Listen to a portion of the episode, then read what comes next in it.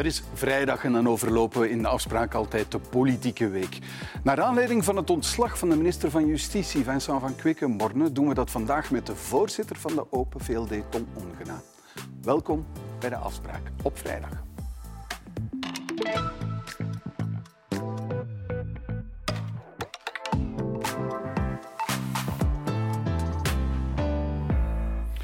Ja, het was bijna kwart over zeven, liever vanavond, toen het nieuws viel. Minister van Justitie, Vincent van Quickenborne, neemt ontslag.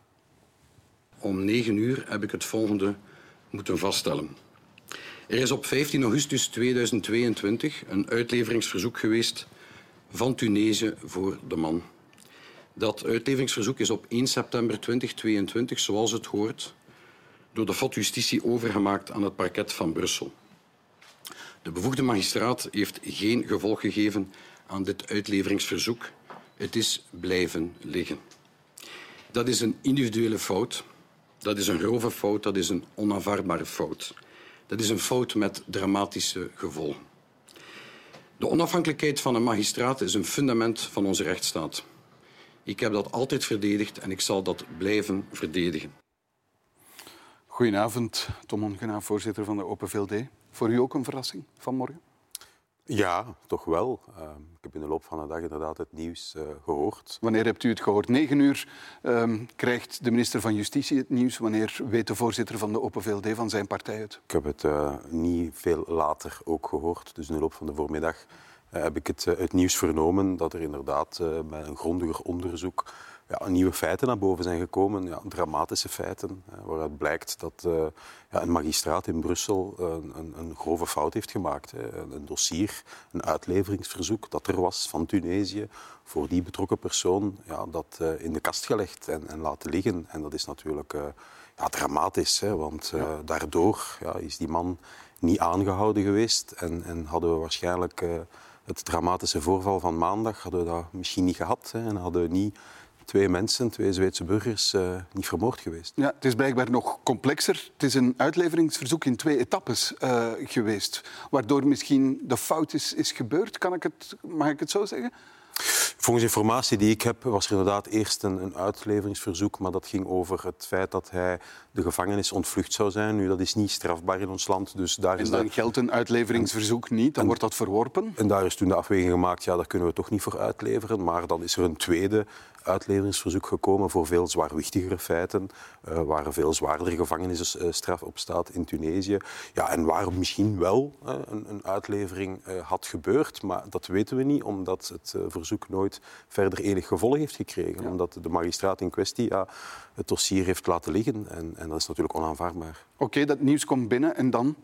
Wordt dan meteen gezegd, zegt meneer Van Quickenborne meteen tegen u, ik neem ontslag? Ik denk dat het heel snel duidelijk was, ook voor hem, dat het uh, zeer zwaarwichtige feiten waren. Uh, en men heeft dan wel nog in de loop van de dag uh, ja, tot op het bot zitten uitzoeken wat is er juist gebeurd. ook met, met de gerechtelijke instanties zelf. Hè. De, de procureur-generaal van Brussel was er ook bij betrokken. Ik denk dat dat ook nodig is, dat men echt goed nagaat wat is er juist allemaal aan de hand? Hoe is het ook kunnen foutlopen? Maar het was van in het begin heel duidelijk, ook voor Vincent zelf, ja, dat, dat zijn politieke verantwoordelijkheid hier echt wel in het gedrang kwam. En ik denk dat het hem ook dan enorm siert dat hij dan ook zonder aarzeling die, die politieke verantwoordelijkheid voor, voor een fout ja, die niet hij gemaakt heeft, een fout die een magistraat heeft gemaakt. Maar uh, ja, in de politiek uh, bestaat toch nog iets als politieke verantwoordelijkheid. En ik denk dat dat vandaag uh, ook heel duidelijk is, is gemaakt. Ja, het is de, de Carrington-doctrine. Um, de man die ooit ontslag nam uh, bij de inval van de Argentijnen op de Falklandsoorlog. Lange tijd leek het alsof dat, dat in de politiek, in de Belgische politiek, niet meer werd toegepast. Nu wel. Um, is het een, een, een, manier om terug, ja, een, een, moet ik zeggen, een schone lei te krijgen om het blazoen weg te vegen? Och, ik denk dat het in dit geval vooral een manier is om, om echt duidelijk aan te geven ja, dat hier echt wel een hele zware fout is gemaakt geweest. Met, met echt dramatische gevolgen. En, en dat het uh, als minister van Justitie ja, weet je dat je verantwoordelijkheid, verantwoordelijk bent ja, voor die magistratuur. En als er dan een fout gebeurt in de magistratuur die aan zo'n dramatische gevolgen heeft, ja, dan, dan, dan, zijn er eigenlijk weinig andere opties. Maar het is wel het, is wel het feit dat hij daar eigenlijk eh, niet in geaarzeld heeft en ook gezegd heeft van kijk, uh, dat hoort erbij. Um, Want geen makkelijk parcours hè, voor de minister van, van Justitie met de politiebonden, zeer moeilijke uh, verhouding. Pipigate, om dat woord dan nog maar eens uh, boven te halen. En ja, dan nu de, de aanslag met dan twee dodelijke slachtoffers.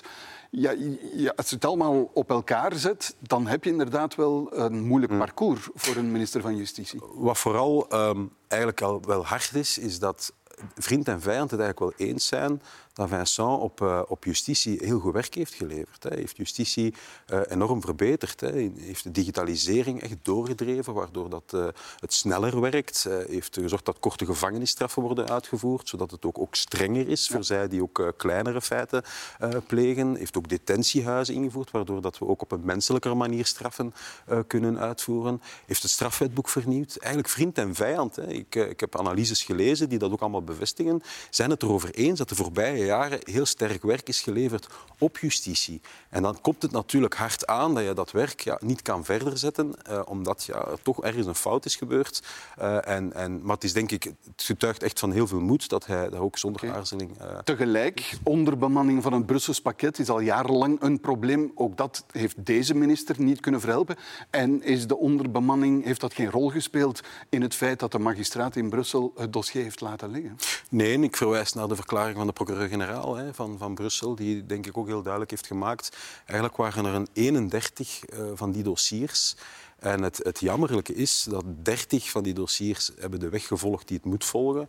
Eén dossier uh, ja, is in de kast blijven liggen. En, en dat, is, ja, dat is eigenlijk dramatisch. Want als je dan ziet welke gevolgen dat, dat heeft gehad. Wat gebeurt er met de magistraat? Goed, ik denk dat dat nu aan de magistratuur is. Uh, daar ga ik geen uitspraken ja, over doen. Het is wel maar... een, een, zware fout. Um, je kan dan zeggen, oké, okay, 30 wel, één niet. Maar eentje, een fout ja, met heel zware gevolgen. Absoluut, en ik ga ervan uit, ik reken er toch op dat ook binnen de magistratuur uh, tucht en andere procedures zullen volgen om, om toch op die fout uh, ook de verantwoordelijkheid, ook op dat vlak, hè, ook individueel de verantwoordelijkheid daarin te nemen. U verwacht eigenlijk dat die magistraat ook ontslag neemt? Daar, nee, daar heb ik mij niet over uit te spreken. Maar ik denk wel dat, uh, dat de tuchtprocedures best gevolgd worden in deze. Um, als, als er zoiets gebeurt, ja, dan denk ik... Uh, ik zou niet in de spiegel kunnen kijken. Hè. Heeft, heeft uh, de minister van Justitie, de premier, uw partij, niet veel te snel in dit dossier naar het asielbeleid uh, gewezen? Um, naar dat herkomstland Tunesië, dat nooit mensen op mm-hmm. terugnam.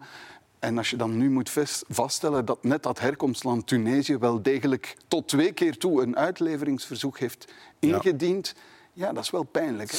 Kijk, ik denk in dit dossier van in het begin um, hebben zowel de premier als, als de andere ministers heel open kaart gespeeld. Er is een persconferentie om vijf uur s morgens, dinsdagochtend geweest. En dat zijn alle elementen die op dat moment, denk ik telkens goed benadrukt geweest, alle elementen die op dat moment bekend waren, heeft men open en bloot ook meegegeven. En daaruit bleek dat het probleem vooral zat in het feit ja, dat er iemand ging die, ja, die illegaal was, die toch ook in aanraking is geweest met politie. En los van dit individuele probleem ja, blijft dat natuurlijk wel een vaststelling dat je in ons land heel veel mensen hebt die in de illegaliteit zitten, dat daar ook een deel van criminele feiten pleegt. Maar en ik denk dat we daar sowieso met, met, met wel een antwoord moeten opgeven. Meneer Ongenaar, er zitten veel mensen in de illegaliteit. Dat is een probleem.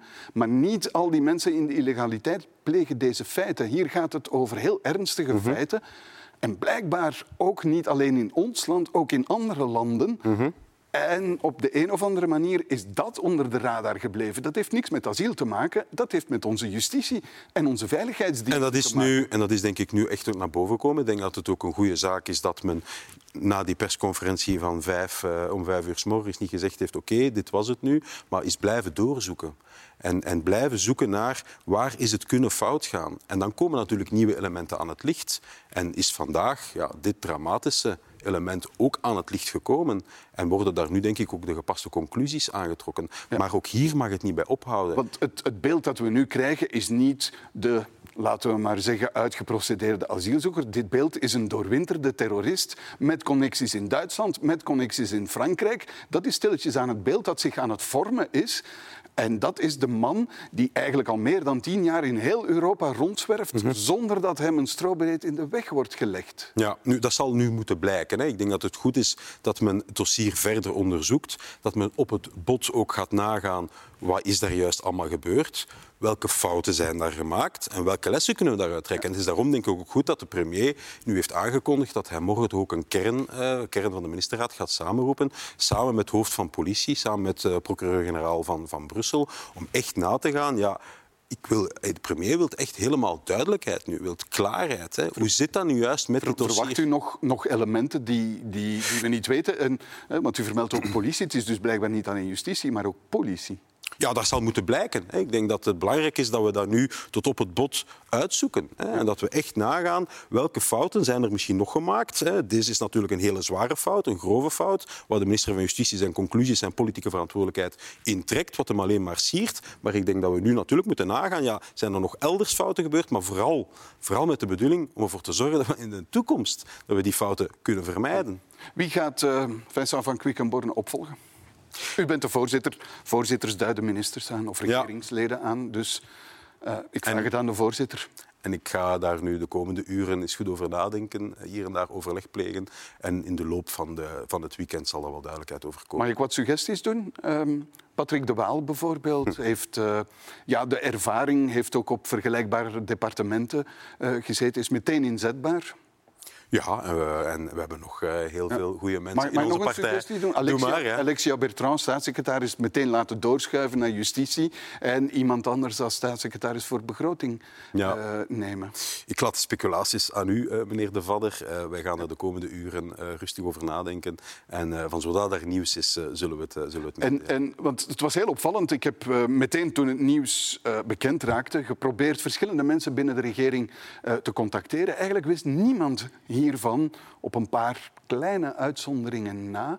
Waarom is dat zo ehm, ja, binnen een heel kleine cirkel eh, gebleven? Bijna binnen VLD-cirkel, om het zo te zeggen. Ik denk uiteindelijk wel diegenen die het eh, moesten weten, eh, het wel wisten.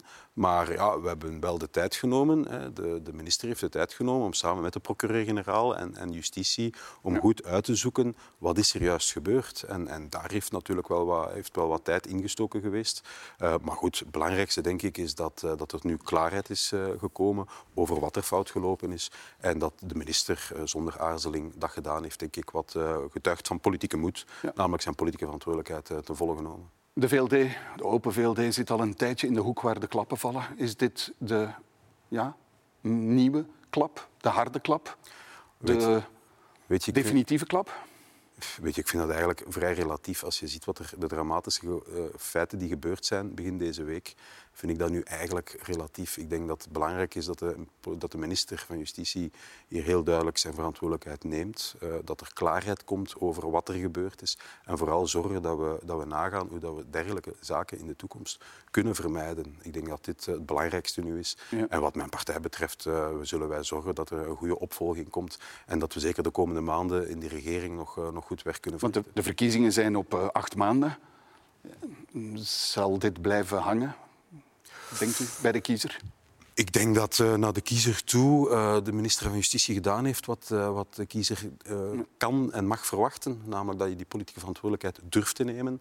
En, en wij zullen naar de kiezer gaan met, met een goed programma, met Ja, eh, en- stevige En met een nieuwe minister van Justitie die moet inwerken, die helemaal terug op, op acht maanden is bijna een schier onmogelijke taak om daar nog iets te realiseren eigenlijk. Ja, maar eigenlijk, eigenlijk moet wie het ook wordt, ja, die moet gewoon het werk dat is ingezet geweest door minister van Quickenborne, het goede moet dat gewoon afwerken. Eh, dus het is niet dat hij eh, van een wit blad begint. Integendeel, ik denk dat er veel werk is verricht en eh, dat wie het ook wordt, hij of zij het, het gewoon maar moet afwerken. Hoeveel tijd gaat u nemen om na te denken wie meneer Van Quickenborne opvolgt? Ik denk dat in de loop van dit weekend daar wel duidelijkheid over Voor, voor maandagochtend? Dat we het dit voor, weekend Voor weten? de meeste mensen eindigt het weekend op zondagavond. Hè, ja. Dus tegen zondag zouden we het moeten weten. Dat is wel de bedoeling, ja. Er zijn nog wat programma's hier op de VRT waar u terecht kan. Mocht u dat nieuws willen bekendmaken, Ja. bedankt voor de komst, eh, Tom. Geen probleem. Ja. En dat is eh, ja, meteen het eerste deel, of het einde van het eerste deel van de afspraak eh, op vrijdag. En daarmee is de week eigenlijk nog niet helemaal netjes neergelegd. Dat doen we zo meteen in een uitzending die eerder op de avond werd opgenomen. Tijd voor de rest van de afspraak op vrijdag.